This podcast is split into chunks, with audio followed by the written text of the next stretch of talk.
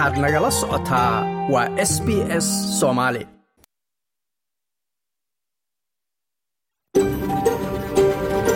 SBS, a world of difference. You're with SBS Somali on mobile, online, and on radio.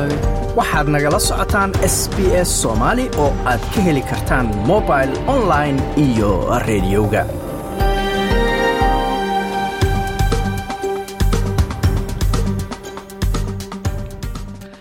habeen wanaagsan dhammaantiinba meel kastoo aad joogtaan waa habeen jimcaha bisha abriilna ay tahay koo iyo labaatan sanadka labada kun iyo labaatan iyo saddexda.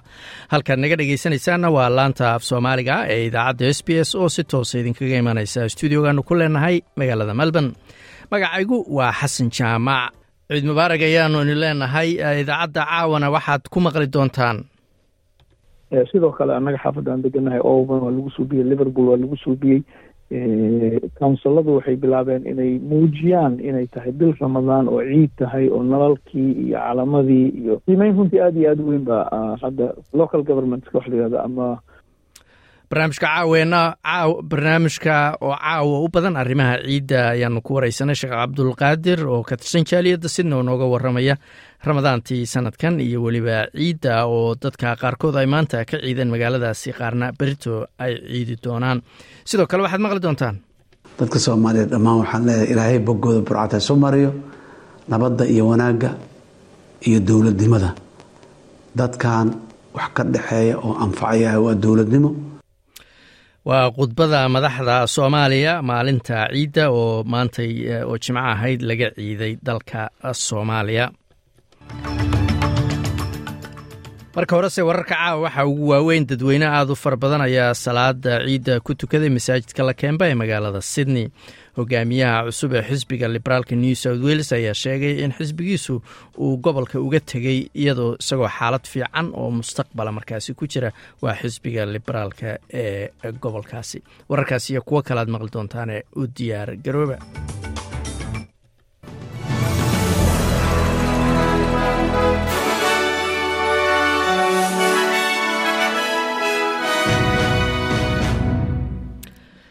wararkii oo dhammaystiran dadweyne aada u fara badan ayaa ku tukaday baa layidhi salaada ciidda masaajidka lakemba ee magaalada sydney.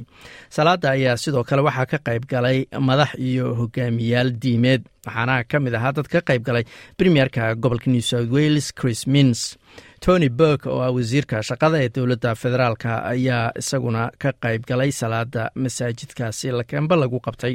Mr burk ayaa bulshada muslimiinta ugu hambalyeeyey ciidda isagoo si toosa waraysi u siiyey s b s arabic goob marka uu halkaasi ku sugnaa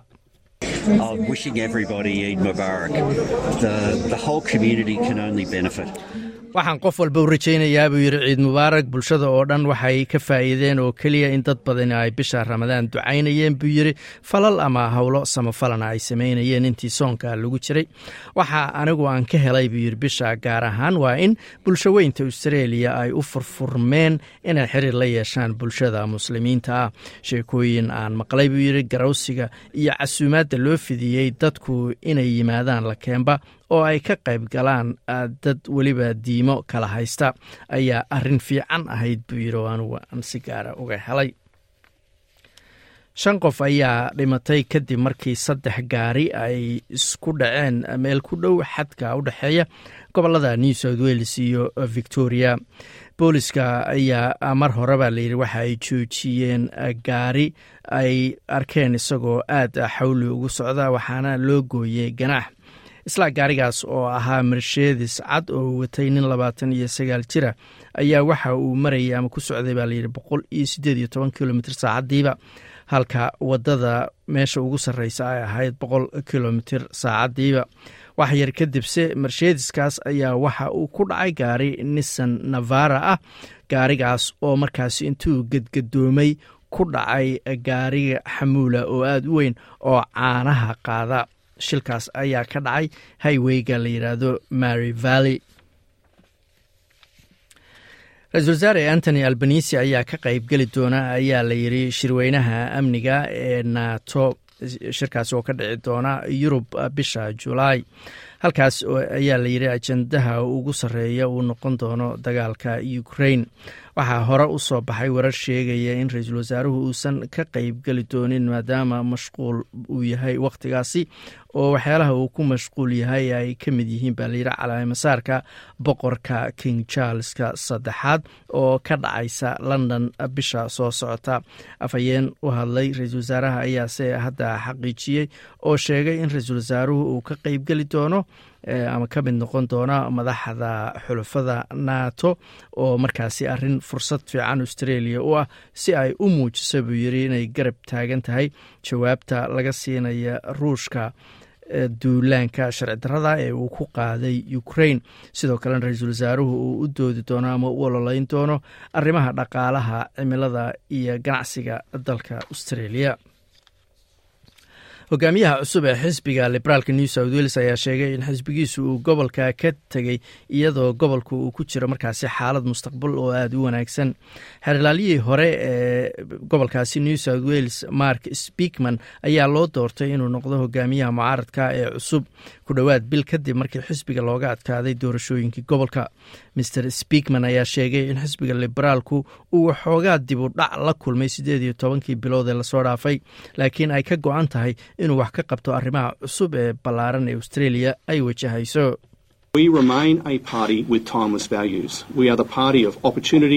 waxaanu weli nahay buu yidhi xisbi qayim aan dhammaanayn leh.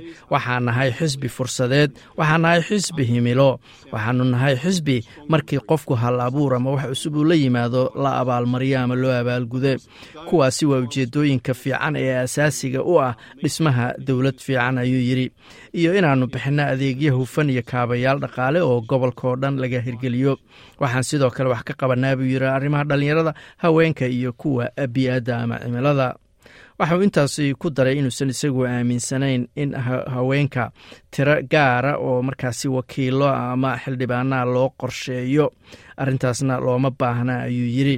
Xisbiga ayaa waxay dib u dhigeen baa layidhi doorashada ku-xigeenka hogaamiyaha ilaa ugu yaraan sideedda bisha mey kadib markii shirkii maanta uu wakhti aada u ballaaran oo aan la filayn uu qaatay halkaad weli nagala socotaan waa laantaaf soomaaliga ee idaacadda s b s madaxda sare ee isbahaysiga mucaaradka ayaa ka dalbanaya ra'iisul wasaare antony albanisi inuu sii daayo oo soo bandhigo dhammaan talooyin sharciyeedkii uu qareenka guud ee dowladdu ka bixiyey. Codka baarlamaanka laga siinayo ama codka loogu qaadayo in baarlamaanka cod laga siiyo dadka indigeneska qareenka ugu sarreeya dalka stephen donahue ayaa sii daayey ama soo bandhigay talooyinkiisii sharciyeed ee la xiriira hindisaha isbeddelka lagu doonayo in lagu sameeyo dastuurka.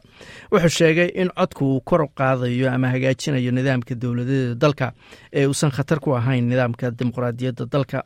Hogaamiyaha mucaaradka peter dutton ayaa hore ugu dooday in dowladdu ay diiday taladii qareenka uu u jeediyey ee ku saabsanaa arrimaha codka. Afhayeenka cusub ee u qaabilsan mucaaradka arrimaha xeer ilaalinta mikaele kash ayaa kadib qoraal ka soo baxay waxay ku cambaaraysay dowladda inaysan daahfurnayn iyadoo sheegtay inaysan tani ahayn taladii mucaaradku weligood ay codsan jireen ee ay tahay taagtika siyaasadeed oo lagu jahwareerinayo shacabka australia. Ku-xigeenada hogaamiyaha mucaaradka susan lee ayaa sidoo kale dhaliishay dowladda albanisi iyada oo sheegtay in xisbigeedu talooyinkaas oo dhan eegayaan laakiin ay jiraan arrimo kale oo ka mudan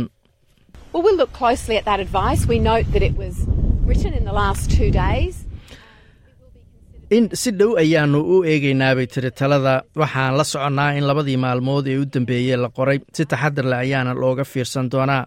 Waxaan aragnaabay tiri ra'iisul wasaaraha oo mar kale intuu soo istaago ka hadlaya talada ku aadan codka. Wuu ogyahay inay muhiim tahay laakiin waxaan ognahay waxyaalo kale oo muhiimana inay jiraan.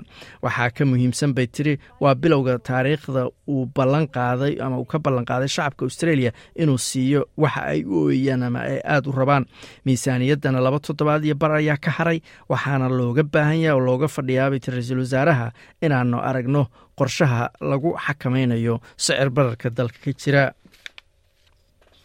Ciidanka r s f ee dalka suudan ayaa sheegay inay aqbaleen saddex maalmood oo xabad joojina oo ku aadan ciidda muslimiinta ma jiraanse hadal ka soo baxay ciidanka xoogga suudan oo iyaga ka soo horjeeda iyadoo hogaamiyaha ciidanka qalabka sida jenaraal cabdilfataax al burhaan uusan ku daran ama laga maqal kelmadda xabad joojin khudba uu hore u duubay oo barta facebooka ciidanka laga sii daayey iyadoo dad ka badan saddex boqol oo qof ay ku dhinteen dagaalka waxaa jira walaac sii kordhaya oo la xiriira in dalal shisheeyaha ay ku log leeyihiin dagaalka taasoo sii kordhisay baa layidhi khatarta dagaalkan uu ku leeyahay gobolka oo dhan dagaalkan oo galay baa layidhi maalintii toddobaad waxaa soo baxaya warar sheegaya in faragelin ay ku sameynayaan dalalka libiya iyo masar. Warbaahinta maraykankuna waxa ay sheegaysaa in kooxda r s f ama ciidanka r s f ay taageero ka helayso calooshood u shaqaystayaasha ruuska ee la yidhaahdo wagner. Iyo weliba genaraal aad awood u badan ku leh dalka libiya kana taliya bariga dalkaasi. Eric reeves waa falanqeeye arrimaha suudan kana tirsan macadka rift valley. Waxaana uu sheegayaa inaysan u badnayn ama wax nabada aysan ka soo dhoweyn dalkan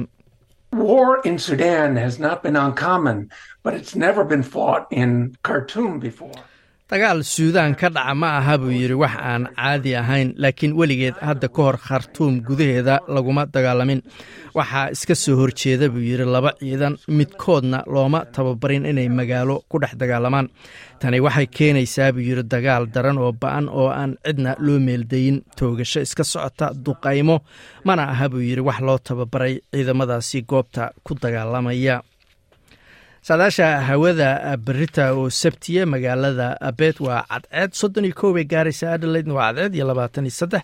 Melbourne waa qayb ahaan daruur iyo kow iyo labaatan halka sydneyna sidoo kale ay tahay qayb ahaan daruur iyo laba iyo labaatan digrii brisbanna xoogaa rooba baa la filayaa labaatan iyo lix digrii halka australian dollar maanta waxaa lagu sarrifayey lixdan iyo toddoba senti oo lacagta maraykanka ah halkaad qadarkaas xayisiinta kala socoteen waa laanta af soomaaliga ee idaacadda s b s barnaamijka ama idaacadda caawa inteeda badan waxaad ku maqli doontaan arrimo la xiriira markaasi ciidda ciid mubaarak ayaanu leenahay. Mar kale dunida muslimka qaybo badan oo ka mid ayaa maanta oo jimco ahayd. Waxay u ahayd ciid oo afuray halka qaar kalena berita oo sabtiya markaasi ay ciidda u tahay. Magaalada sydney sidaad maqlayseen masaajidka lakemba saaka salaada ciidda ayaa lagu tukadaya masaajido ka mid laakiin weli bulshooyin ay soomaalidoo kale ka mid tahay berito ayay ciidayaan. Sheekh cabdulqaadir jimcaale waxauu ka mid yahay jaaliyadda magaalada sydney waxaana weydiiyey bal marka hore guud ahaan soonka sanadkan sida uu ahaa wuxuuna yiri wacalaykum asalaam waraxmat ullaahi wabarakaatuhu ilaahay towfiiqda hana waafajiyo. Ilaaha loogu mahadiyaa bishii intay noo dhalatay noo dhammaatay waa waajib saaran oo shanta tiira islaamka ka mid ah. Ilaahayna ummadda muslimiinta o dhan ka aqbalo. Kuwii jannada laga xoreyna allah naga dhigo. Soonkan wuxuu kaga duwanaa soomaankii hore waa laysla wada soomay oo mar baa la wada bilaabay ilaa hal qolo oo iyagu ku tiirsan aragtida gudaha dalka in laga arko. Oo yidhaahda ilaa aan anagu aragno ma soomayno laakiin dadkii kale muslimiinta kale mar bay wada bilaabeen. Soonkii oo waxaa la bilaabay maalin khamiis ah. Xilliga aan ku jirnana hadee xilliga wuxuu iska ahaa oo oo inta badan wuxuu noogu dhamaaday xilligii aan lagu jirin daylight savinka oo maalintu ay soo yaraatay habeenkiina uu noo batay. Marka alxamdulilah wuxuu ahaa xilli jawiga iyo maxaan ku yidhahdaa cimiladuba ay aada u fiican tahay. Soonkana si fiican bulshada ugu dhamaatay taraawiixdii. Hadday noqon lahayd dadkii ku tukanayay qur'aan fara badan sida habeen walba jus. Sheekh cabdiqaadirow dadkan waddanka australia oo aanu ku noolnahay sanadihii hore waxaa la yidhahdaa dad badan oo australiyaana ma aqoon ramadaantu waxa ay tahay muslimiin badan lamay kulmin. Sanadahan dambe ma la dhihi karaa bulshooyinka muslimka iyo bulshooyinka aan muslimka ahaynba way fahmeen. Ramadaantu waxa ay uga dhigan tahay dadka muslimka. Isdhexgal baa jiray xaflado iftaar dinarisa ma ka dhaceen kuwa noocaaso kalaa sydney aada iyo aad. Waxaa ka dhaco xaflado aada iyo aada u waaweyn.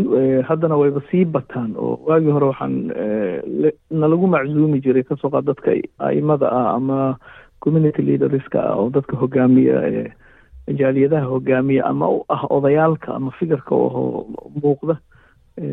Maczuumaadoodu waxay ahayd hal iyo labo.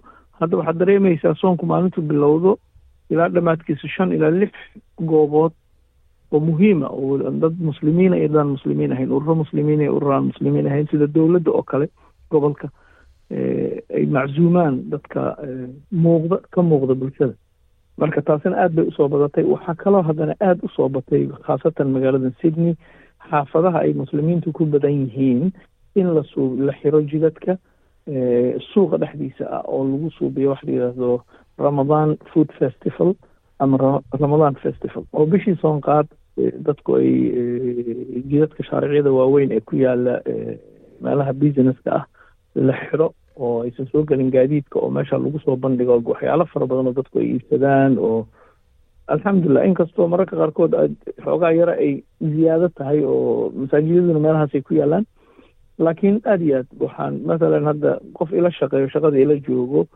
oo xaafad ka fog xaafadda muslimiinta ku badan yihiin degan gabar yaraawo inta ii timid ba waxay ugu tiri waxaan booqday habeenkii saddexaad baan booqanaya xaafadda la yidhahdo lakemba.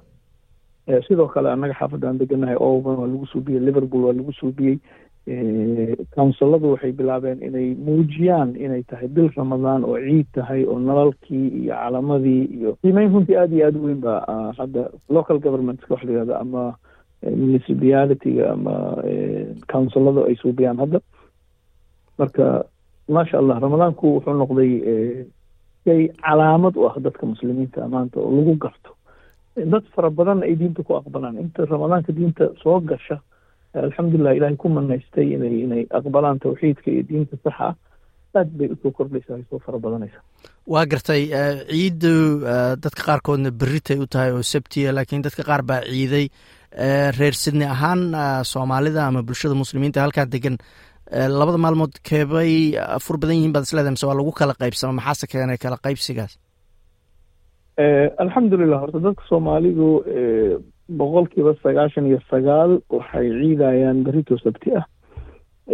Arrintanuna waa arrin runtii cabjiid ah. Laba arrimoodba way way way la xiriirtaa khaasatan dhaliil loo aan u jeedinaya aniga khaas ahaan dadka muslimiinta hoggaankooda haaya ama masaajidada waaweyn ama ururada waaweyn ayaa waxaysan suubinin wax la yidhaahdo in inta laysu yimaado ra'yi la wadaago ka hal wej ha la yeesho oo muslimiintii dantoodii laga laga shaqeeyo guud.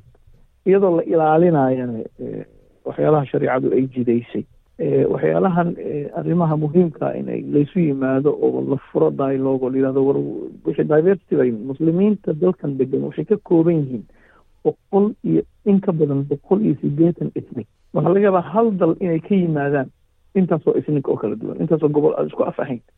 Mathalan masjidka hadda annaga soomaalida ooba noogu yeelno ku tukano dad hindiyaha ku tukada. Oo aan isku af ahayn. Qaar waa tamil muslimiina qaarna north india. Marka ayaga markay wada hadlayan englisha ku wada hadlaan. Marka isku jinsi ma ah marka alxamdulilahi rabbi alcaalamiin meeshii la xeerin lahaayo dadkaas diversitygaas aada u weyn ee macnaha bulshadaas kala duwan oo multicultural la yidhahdo intii laisu keeni lahay oo hal dariiq hal hoggaan iyo cududdu waxay ku muuqataa in hal meel laga soo wada jeesto marka taana waxoogaa yar xagal daacish baa ku yimid sanadkan. Qolada afurtay inta badan soonka waa la wada soomay. Qolada afurtay maanta afurka aada iyo aada ugu adkaysatay. Waxay ahaayeen dad horay u han jiray hogaanka muslimiinta new south wales oo layihahdo l m a marka iyaguna way ku adkaystaan inkastoo hadda bulshooyinkii kale iyo ururadii kale ka xoog bato ka tiro badan insha allah laakiin waxaa la bilaabay xiwaar ama dood ah sidii waxaan loo looga gudbi lahaa insha allahu tacaala. Soomaaliduna beri bay wada ciideysaa boqolkiiba sagaashan. Dambeynta sheekh cabdiqaadir oo berito oo soomaalidu sida sheegtay intooda badan ay ciidayaan maxaa inay qorshaysan xaggee lagu ciidaa matalan? Ma jiraan xaflado ama meelo dadka muslimiinta ama soomaalidu ay isugu imanayaan alxamdulilah rabbi alcaalamiin horta waxa waaye midda kale maalinta waa maalin qoys dadku inta badan caruurtooda iyo ayaga isku mashquulsan way jirtaa in in meelaha qaarkood la tago si organized sometimes sometimes si aan aan aan isku duba dhacsanayn marka inta badan meelaha la tago waa meelaha botanic gardenska la yidhaahdo oo dadku isugu tagaan centennial park maxaan ku yidhahda auburn botanic garden dhowr meelood oo meelahaas oo kale ah dadku isugu yimaadaan oo baagaga ah laakiin wax official organize garaysan oo maxaan ku yidhahdaa bannerskiisa wata ilaa hadda ma hayno waa jiri jirtay waagii hore laakiin xoogaago hadda xagal daacin baa iska jirta oo dadkii qabanqaabin jirayna retire ay noqdeen dadkii yaryaraana weli umaysan qumin hawshi. Marka insha allah waxaan rajeynaynaa adigu momentumka hadda suu ku socdo muslimiinta kalena way suubiyaan oo aada iyo aadaan loogu tirtirsiya marka inta badan waxaa la tagaa meelaha taagaga ah oo soomaalidu isugu tagto. Dadka muslimiinta o dhanna ay tagaan. Annaga kaliya gooninoo maaha ilaahay tawfiiqda hana waafajiyo ummadda muslimiinta ilaahay kheyrka bishan ay lahayd oo dhan dembigooda allah ku dhaafo. Intii jiraan caafimaad allah ku siiyo. Intii dhibaataysan dhibaatada allah uga bixiyo. Khaasatan dalkii aan ka soo qaxnay ilaahay in colaada ka joojiyo ummadana qalbigooda ilaahay isu keeno ramadaankan ilaahay hanoogu hanooga aqbalo arrintaas kaasina wuxuu ahaa sheekh cabdulqaadir jimcaale oo khadka telefoonka magaalada sydney iigu warramaya haddana waddanka soomaaliya waxa uu ka mid ahaa dalalka maanta oo jimco ahayd markaasi laga afuray oo markaasi laga ciidayey warbixinta waxaa noo soo diray waryahayaga magaalada muqdisho kadib markii wasaaradda awqaafta iyo arrimaha diinta ee xukuumadda federaalk soomaaliya ay si rasmi u shaacisay go'aanka rasmiga ah ee bilashada bisha shawaal islamarkaana ay ku dhawaaqday in maanta oo jimcaha ay tahay maalinta koowaad ee ciidulfidriga ayaa madaxda sare ee dalka waxay hambalyo ku aadan munaasabadda ciidda u direen bulshada soomaaliyeed qaybeeda kala gedisan. Madaxweynaha jamhuuriyadda federaalk ee soomaaliya xasan sheekh maxamuud ayaa ugu hambaliyeeyey ummadda muslimiinta ah gaar ahaan bulshada soomaaliyeed meel kastoo ay joogaan munaasabadda ciidulfidriga. Madaxweynaha ayaa sidoo kale waxa uu ku baaqay in bulshada soomaaliyeed ay isgarab istaagaan hoosna u eegaan walaalahooda liita si ay ula qaybsadaan farxadda munaasabadda ciidulfidriga. Waxaana uu kula dardaarmay sidoo kale bulshadu inay iscafiyaan islamarkaana ay isgargaaraan. Dhammaan dadka soomaaliyeed meel kastoo ay joogaan waxaan leeyahay ciid wanaagsan ciid mubaarak ciidan ciideeda kale iyo ciido kaleoo fara badanba dalka iyo dadka soomaaliyeed ilaahay ha ku gaarsiiyo nabad iyo deganaanshiyo iyo barwaaqo haddii alayidhaah sida aan weligeenba dardaarmi jirnay dadka soomaaliyeed walaalaha waxaan kula ballamaya kula dardaarmayaa in waktigan ciidda ah fadliga muxuu ahaay ilaahay la iscafiyo walaalkaaga aada wax ka tabanaysid cafi ka adiga wax kaa tabanayaana ha ku cafiyo qodobka labaadna waa ha la isu gargaaro. Walaalaha soomaaliyeed ee danyarta ah tabartu ay ku yaraatay gacantooda ay gaaban tahay ha la garab istaago.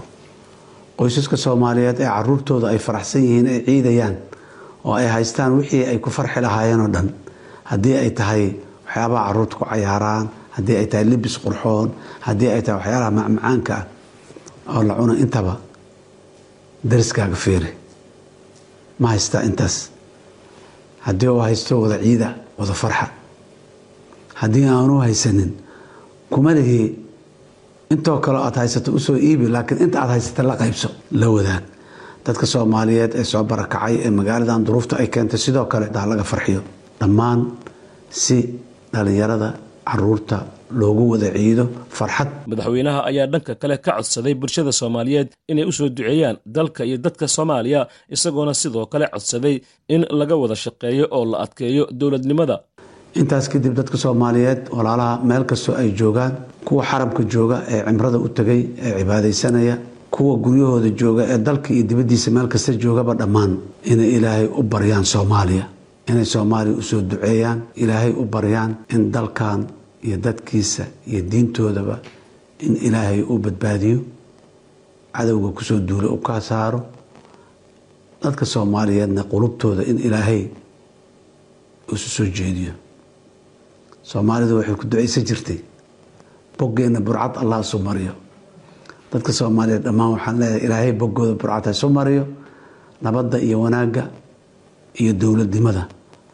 Dadkan wax ka dhexeeya oo anfacaya waa dowladnimo. Dowladnimada ha loo wada istaago ha laga wada shaqeeyo. Way dhismaysaa dowladnimada wax kasta oo dhismayana dhibaatooyin iyo culeyse iyo meelo ay ka foolxun yihiin iyo waa leeyihiin dulqaadna aan yeelano annaan toosino meeshii inay ka foolxun yihiin aan u dareemayno aan ka toosino ayaanan ka sii duminin. Dalka iyo dadka iyo diintoodaba waxa anfacaya maanta waxaa ka jira dowlad dalkeena dowlad aan u yeelano. Mushaakilaadka aan haysanahay ma xalli karno qof qof uma xalli karno qabiil qabiil uma xalli karno degaan degaan iyo dowlad goboleed uma xalli karno soomaaliya ama waa wada guulaysanay ama dhibkay ku wada jireen kalama biskoo karno. Jirka dhinaciisa hadduu xanuunsan yahay dhinaca kalena waa la xanuunsan yahay. Soomaaliya haddii meel dib u dhacsan ay jirto inta kalena waa la dib dhacsan tahay. Marka aan wada korno aan wada bulaalno dowladnimanan ku gaari karnaaye dowladnimada aan xoojinno aanaan qiimo u bixinno. Madaxweynaha oo ka sii hadlayey muhiimadda ay leedahay dowladnimada waxa uu hoosta ka xariiqay in haddii dowladnimadu ay burburto ay mas'uul ka yihiin guud ahaanba bulshada soomaaliyeed ee aanay cid gaara lahayn dhammaanteen marka aan waajibkii dowladnimada iyo dowladnimada aan wax ku darno yaan soo gaabi karnaa safarka aan ku gaarayno dowladnimada dadka soomaaliyeed waxaan ugu baaqayaa walaalayaal marka hore ilaahay aan ku kalsoonaano annaguna aan isku kalsoonaano dalkan dowladnimadiisa hadday burburtay hadday baaba'day annagaa mas'uulka ah. Hadday dhismaysana annagaa mas'uulka ah. Dowlad nalooma dhisi karo annagu inaan dhisanno waay. Waana dhisa karna kuwa naga liitaa dowlad ah kuwa diin ahaan iyo caqiida ahaan naga liitaa dowlad ah. Kuwa aan dhaqaala nagu dhammaynaa dowlad ah. Dalkan aan haysano ee barwaaqada ee nicmada leh kuwa aan lahaynaa dowlad ah. Inaan hal nahay oo aan soomaali nahay oo isku diin iyo isku luqad iyo isku dhaqan isku habnolood inaan nahay.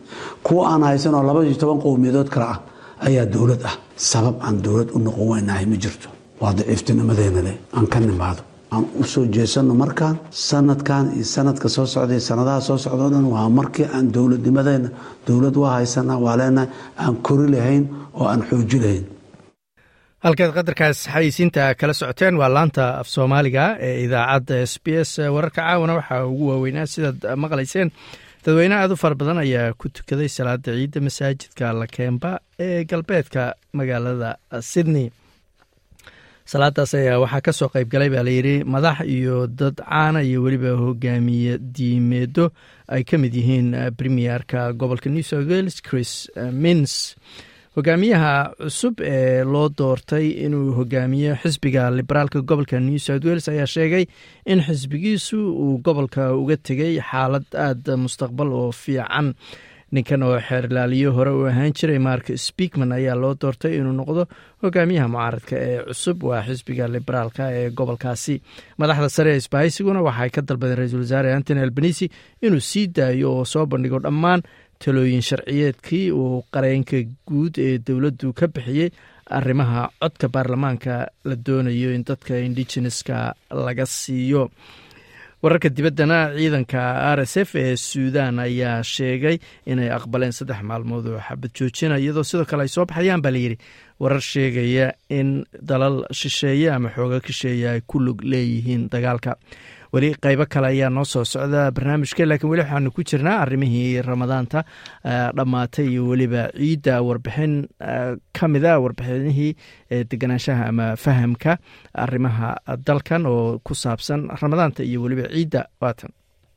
Australia waxay hoy u tahay in ka badan siddeed boqol iyo saddex iyo toban kun oo ka mid ah hal dhibic sagaal toddoba bilyan oo muslimiina oo adduunka oo dhan ku kala nool haddii aad ku nooshahay caasimadaha gobollada dalkan australia ama magaalooyinka kale ee waaweyn waxay u badan tahay inaad la kulantay ama la saaxiibtay ama la shaqaysay qof muslina iyadoo muslimiinta australia iyo kuwa caalamkao dhan ay ku jiraan ramadaan oo ah bilson oo ilaahay la caabudo waxaanu sharaxaynaa muhiimadda dabaaldegga bishan iyo weliba ciidda inaad fahanto qof kale diintiisa iyo dhaqankiisa waxay aasaasi u tahay bulshada dhaqamada kala duwan iyo isdhexgalka dalkan australia. Marka ma isweydiisay waxa ramadaanta iyo ciiddu uga dhigan tahay dhaqanka islaamka. Ramadaan waa bisha sagaalaad ee kalandarka dayaxa ku shaqeeya.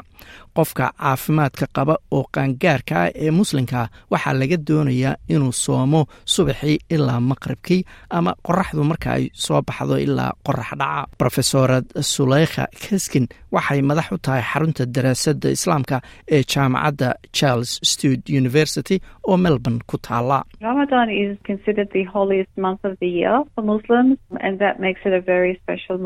Ramadaan waxaa loo aaminsan yahay inay tahay bisha ugu barakaysan sannadka muslimiinta waana bil aad qiimo gaara u leh. waxa ay caan ku tahay waa soonka iyo subaxii ilaa maqribkii in qofku ka fogaado cuntada cabitaanka iyo weliba gogasha inta la sooman yahay. Kalandarka islaamka oo sidoo kale loo yaqaan sanadka hijiriyada ayaa ku salaysan wareegga dayuxu ku wareego dhulka maadaama sanadka islaamka uu inta badan toban ilaa labayo toban maalmood ka yaryahay sanadka caadiga ee qoraxda wakhtiga bisha ramadaantu waa uu kala duwan yahay. Sanadkan bisha barakaysan ee ramadaan waxay ku dhacday inta u dhexaysay labayo labaatanka bisha maarso ilaa labaatanka bisha abriil. Soonku wuxuu ka mid yahay shanta tiir ee islaamka oo kala ah ashahaadada salaada sadaqada xajka iyo soonka. Madaxa xarunta daraasadda arrimaha islaamka ee jaamacadda qaranka australia brofesorad karima lashiir ayaa sheegtay in ramadaantu ay ka weyn tahay in cuntada iyo cabitaanka la yska daayo.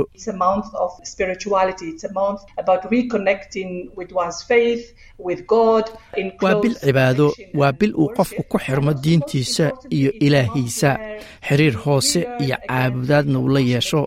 tan ugu muhiimsanse waa bisha aan dib u baranno inaannu noqonno bini'aadan naxariis leh oo aad fahanto baahida ay qabaan dadka saboolka ah oo aan awoodin inay helaan cunto ku filan. Waa waqti aad ku xiranto adduunka nagu wareegsan ayay tiri brofesooradu muslimiinta ayaa sidoo kale laga doonayaa inay ka fogaadaan cabbidda sigaarka xiriirka galmoodka inay caroodaan inay murmaan inta lagu jiro bisha ramadaan. Waa inaysan gelin wax anshaxumo ah oo mamnuuc ah. Cibaadaysiga kale ee dheeraadka ah sida salaada akhrinta iyo fahamka qur'aanka iyo arrimo samafala ayaa sidoo kale la dhiirogeliyaa inta lagu jiro bisha ramadaan. Muslimiin badan ayaa masaajidka taga marka ay afuraan. Marka laga reebo waajibaadka diimeed brofesorad lashiir ayaa sheegtay in soonku sidoo kale leeyahay faa'iidooyin caafimaad.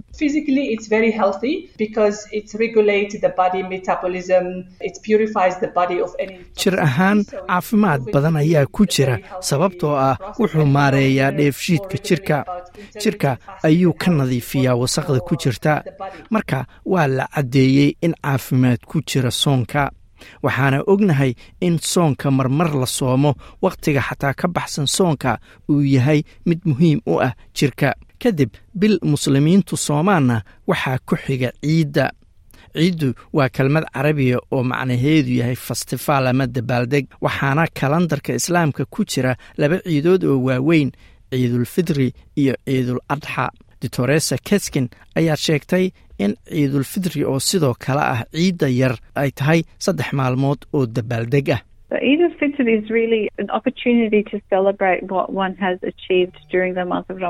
marka ciidulfidrigu runtii waa fursad uu qofku u dabaaldego wixii u soo qabsoomay intii lagu jiray bisha ramadaan sida la garan karana waa hawl adag bishaasi. waa mid cibaada ahaan noloshaada kor u qaadaysa. laakiin adag oo inaad cunto iyo cabbitaan ka maqnaato maalin oo dhan ma sahlana marka si ahaan ciiddu waa u dabaaldegga hawsha aad soo martay iyo wixii kuu soo qabsoomay. Waxay la mid tahay adiga oo leh yoolkii noloshayda waan gaaray waan gutay soonkii haddana waan u dabaaldegayaa ayay tiri brofesooradu iyada oo la soo dhowaynayo ciidda muslimiinta ayaa laga doonayaa inay sadaqa bixiyaan. Iyada oo ay soo dhowdahay ciidduna muslimiinta ayaa laga doonayaa inay sadaqo baxsadaan. Sadaqadaas oo loo yaqaano saka alfitri si dadka saboolka ah iyaguna ay u dabaaldegi karaan. Waa tan mar kale ditoresa keshkin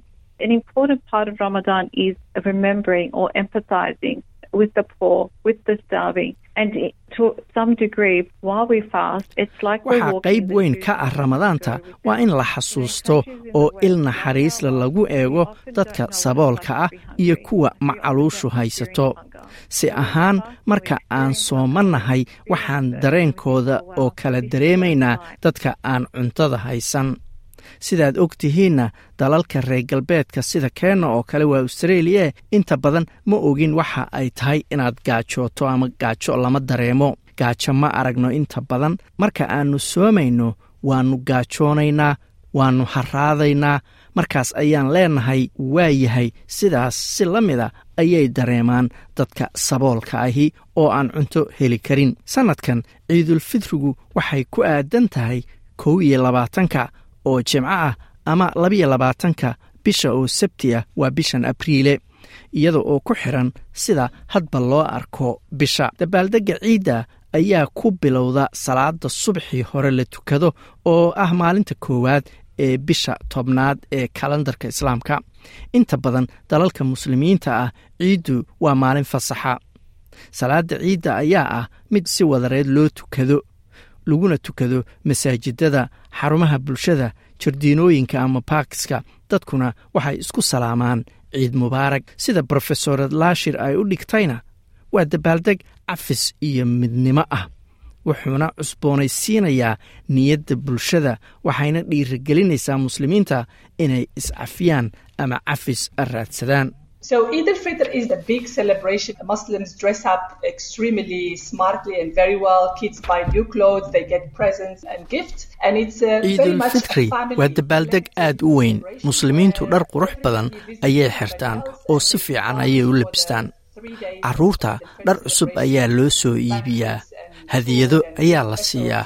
waa dabaaldeg qoyskoo dhan ah oo qof walba qofka kale uu booqdo waxay saddexda maalmood ee ciidda ku raaxaystaan cunto badan doolshe iyo cunto u gaara ciidulfidriga dhar cusub oo loo soo iibsado gaar ahaan kuwa carruurta guriga oo la iska nadiifiyo macmacaan gaara oo loo soo diyaariyo iyo cuntada ayaa qayb weyn ka ah u diyaargarowga ciidda. Rofesorad laashir ayaa sheegtay in dabaaldega lagu kala duwan yahay iyadoo ku xiran hadba dalka uu qofku ka yimid.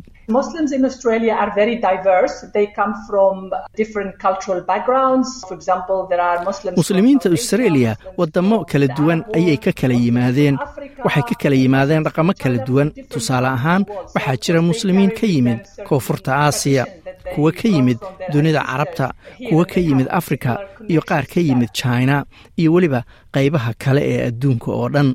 Marka dhaqamo kala duwan ayay wataan bay tiri brofesooradu cali awaan waa australiyan ka soo jeeda dalka bakistan oo gaar ahaan aad mashquul u ah xilliga ciidda sannad walba. Wuxuu sheegay inuu jiro farqi weyn oo dhanka dhaqanka oo u dhexeeya muslimiinta.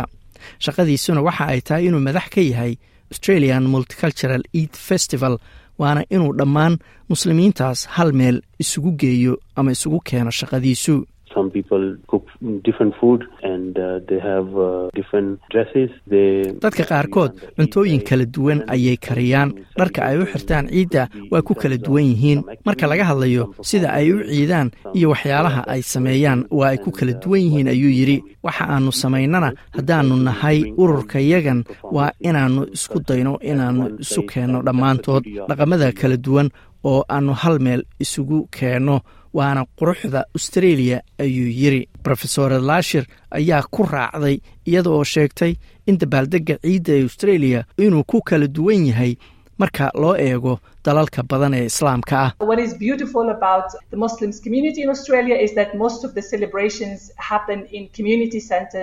Quruxda australia ayaa ah in bulshooyinkaas muslimiinta ee australia ay intooda badan ku dabaaldegaan xarumaha bulshada masaajidada oo ay dhammaan isugu yimaadaan dad ka kala yimid dalal kala duwan oo ay u dabaaldegaan dhaqankii dalkooda cuntadoodii macmacaankoodii. Marka waxa aadka u muhiimka ah waa in la isu keeno waxa loo yaqaano umma oo ah ummadda muslimiinta oo dhan oo aan lahayn xad waddan ama dal oo dhammaantood u dabaaldegaya maalintan weyn ayay tiri brofesooradu halkaad warbixintaas ka dhegeysaneyseen waa laanta af soomaaliga ee idaacadda s b s warar hadda soo dhacayna ra'iisul wasaaraha dalkan australia antony albanisi wasiirka arrimaha gudaha dalka iyo wasiirka socdaalka dhalashada ama muwaadinimada iyo dhaqamada kala duwan ayaa maanta waxaay ku dhawaaqeen dariiq toosa oo dadka muwaadiniinta ee haysta baasaboorada new zealand ay si toosa u dalban karaan dhalashada dalkan australia.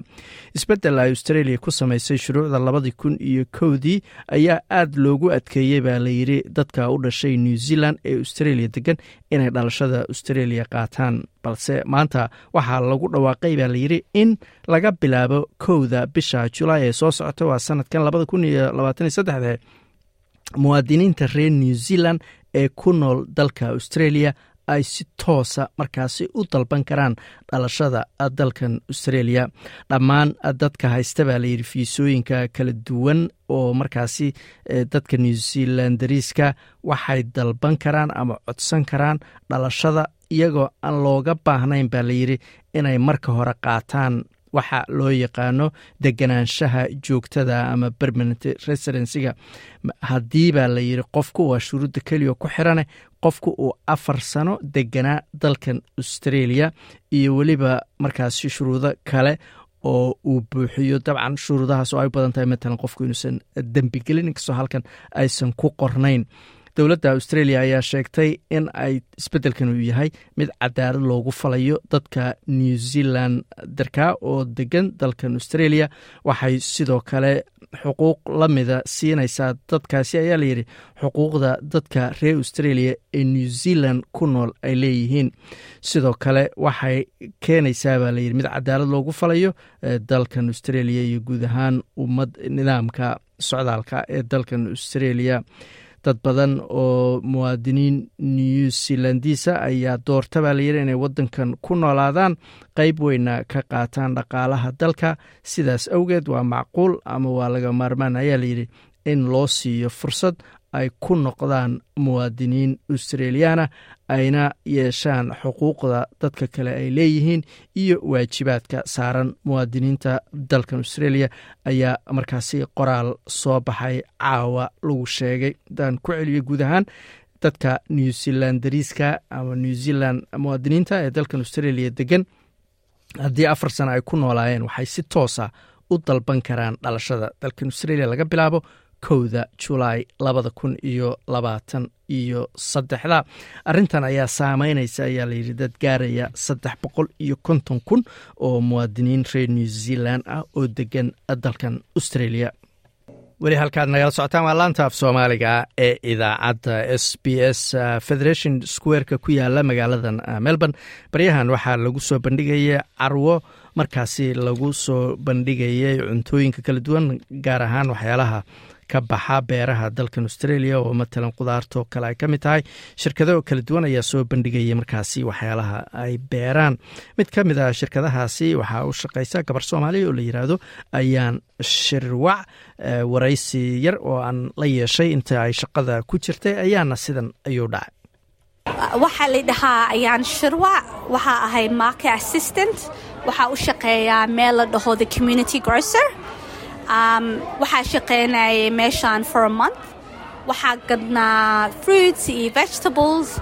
Um, yeah and one day week I shaqeeya and it's been great because okay marketka meelo kala duwa uu joogaa so mid uh, mid carlton uu joogaa mid fitzroy mid pakenham and different days waaye waxay joogaan meesha housing commission so housing commission in carlton housing commission in fitzroy iyo saas iyo meesha raqiis waaye 60 percent raqiis then coles iyo woolworth um, meesha cuntada it's grown in um, australia. So australian ha australian uh, farms u beera. Yeah meel fiican uh, dadka uh, miskiin ay yihiin um, also dadka wayna aqaanaan dadka carlton iyo flemington waa isbaranay ayeeyo oo eritrean ah waxay coffee gadaa marka anaga joogno. Qudaarta gadaan maxaa ka mid ah? Wax kasta. So banana iyo tomatoes iyo cabbage wax kasta aa gadnaa. Iyo eggs xataa iyo oranges um, yeah and then sometimes discounta haysana so cheap waayo already then uh, cheaper uu yahay on days marka discount haysano marka maanta waxaad joogtaan fed square aad joogtaan yaa inii imaada. Dad badan maa inii imaada maxay ina weydiiyaan? Yeah dad badan ay uh, imaado waxay na weydiiyaan. Yaa tihiin um, always waxay rabaan inay ogaadaan cuntada inuu australian yahay waxay dhahaan australia miyaa mise meel kale? Waxaa dhahaa maya australia waaye markaasna um, okay noqdaan because waxay rabaan wax australia laga beero. Um, iyo carruur badanaa imaanaya maanta watermelonka free waaye? So watermelonka imaadaan way cunaan then questions inay weydiiyaan then markaasay wax gataan. So some items free aa ka dhignaa um, for that reason waa garta. Marka beeraha beerta ay ka baxaan qudaartan ma tagta adiga? Maya ani ma aadin. Waxaa aado kuwa management ku jira ha meeshaan iyo different locations festivals hadday jiraan cunto festivals waa aadnaa maxaa ugu xiisa badan shaqadaada? Maxaa ku jecesha dadka inaan la hadlo um, af ingiriisa kula hadlaa ana waxaa jeclahay dadka madooga marka arko.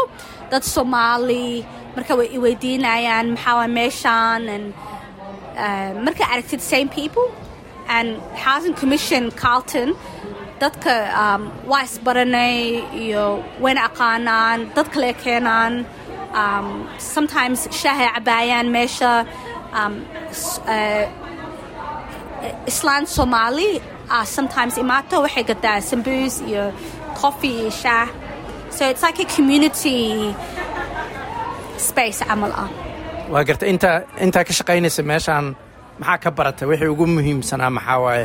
Dadka fruity vegetables way rabaan laakiin a lot of the time lacag ma haystaan. So marketkan camal wuu fiican yahay. Um, and then sometimes dadka intay imaadaan iyo waxay aadaan meelo kalo oo free ah so free meelo discount. Marka isku daraan way feed garayn karayaan familka and sometimes dadka waxay rabaan inay kula hadlaan bas inay qof la hadlaan.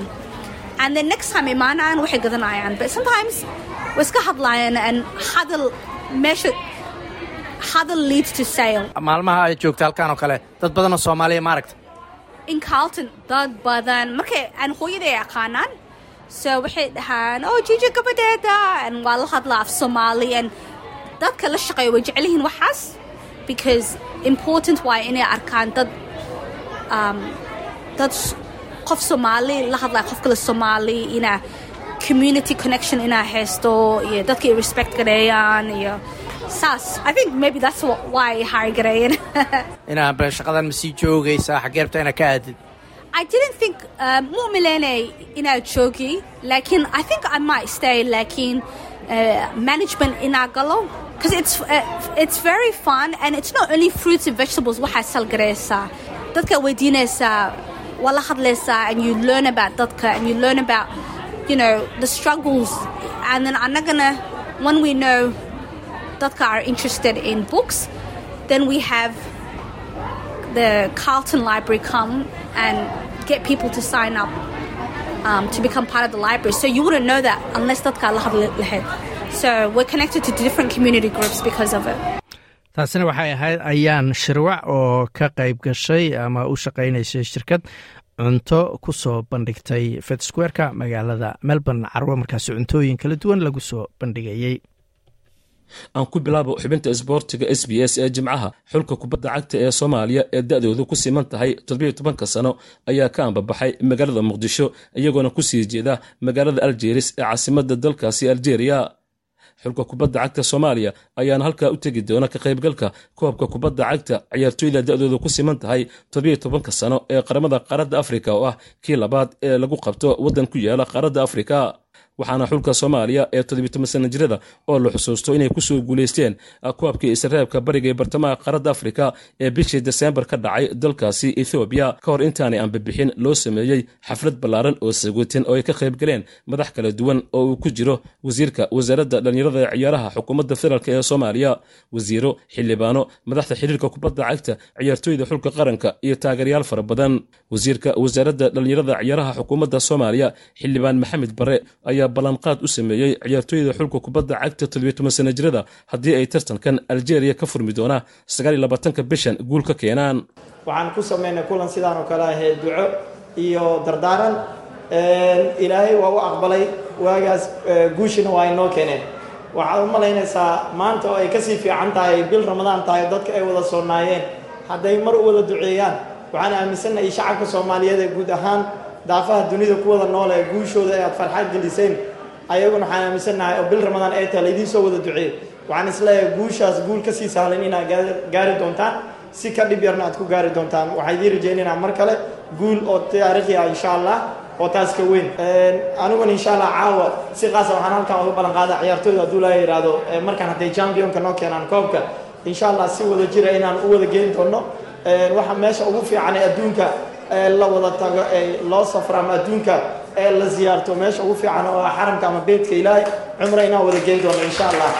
Ciyaartooyda dhammaystiran macallimiintooda iyo maamulkooda wada jira hadduu ilaa yidhaahdo cumro keliyan ma ugu simi doonee ilaa iyo saddex option aan siin doonaa meelaha loo dalxiis tagay caalamka ugu dalxiiska fiican waddamada dalxiiska ugu fiican ayadan waxay ka dooran doonaan option insha allah guul ayaanu rajaynaynaa markaasi dhallinyarada soomaalida under seventeenka wararkii caawana waxaa ugu waaweynaa anagoo ku sii siqaynaa gebagabadii idaacaddeenii caawa. Dadweyne aad u fara badan ayaa ku tukaday salaada jimcada masaajidka lakemba ee sydney iyadoo qaar ka mida muslimiinta caalamku ay markaasi iideen. Maanta qaar kalena berita oo sabtiya ay markaasi iidayaan ra'iisul wasaare antony albanisina waxa uu ka qaybgeli doonaa baa layiri shirka amniga ee xulafada nato oo ka dhacaya yurub bisha julaay ee soo socota. Ajendaha ugu sarreeya shirkaas ayaa noqon doona baa layiri dagaalka ukrain hore ayaa loo sheegay in ra'iisul wasaaruhu uusan ka qaybgeli doonin balse sida muuqata isbeddel ayaa dhacay. Hogaamiyaha xusub hogaamiyaha cusub ee xisbiga liberaalka new south walesna waxa uu sheegay in xisbigiisu uu gobolka uga tegay xaalad aada u fiican oo mustaqbal wanaagsan uu gobolku leeyahay. Mark speakman oo hore u ahaa xirilaaliyaha guud ee gobolka new south wales ayaa loo doortay inuu noqdo hogaamiyaha mucaaradka ee cusub ku-xigeenkiisa. Ayaa la dooran doonaa bisha may ee markaasi soo socota madaxda sare ee isbahaysiguna waxa ay ka dalbadeen ra'isul wasaare antony albanisi inuu sii daayo ama soo bandhigo dhammaan talooyinka sharciyeed ee qareenka guud ee dowladdu ka bixiyey arrimaha codka baarlamaanka laga siinayo dadka indigeneska wararka dibaddana waxaa ugu waaweynaa ciidanka r s f ee ka dagaalamaya dalka suudan ayaa sheegay inay aqbaleen saddex maalmood oo markaasi xabad joojina oo ku aadan maalmaha ciidda markaasi loo dabaaldegayo mase jiraan hadal ku aadan xabad joojinta oo ka soo yeeray taliyaha ciidanka xoogga oo markaasi kooxdaasi ka soo horjeeda genaraal cabdilfataax al burhaan oo video uu hore u duubay laga sii daayey barta facebooka ee ciidamada dalkaasi idaacaddeenna caawana intaas ayaan ku soo gebagabaynaynaa waa aniga oo ah xasan jaamac oo inila intaas iyo nabadgelyo. Waa inoo asbuuca ama toddobaadka soo socdaa haddii uu eebbaydmo ma doonaysaa sheekooyinkan oo kale? Ka dhegayso apple podcast google podcast spotify ama meel kasta oo aad bodkastigaaga ka hesho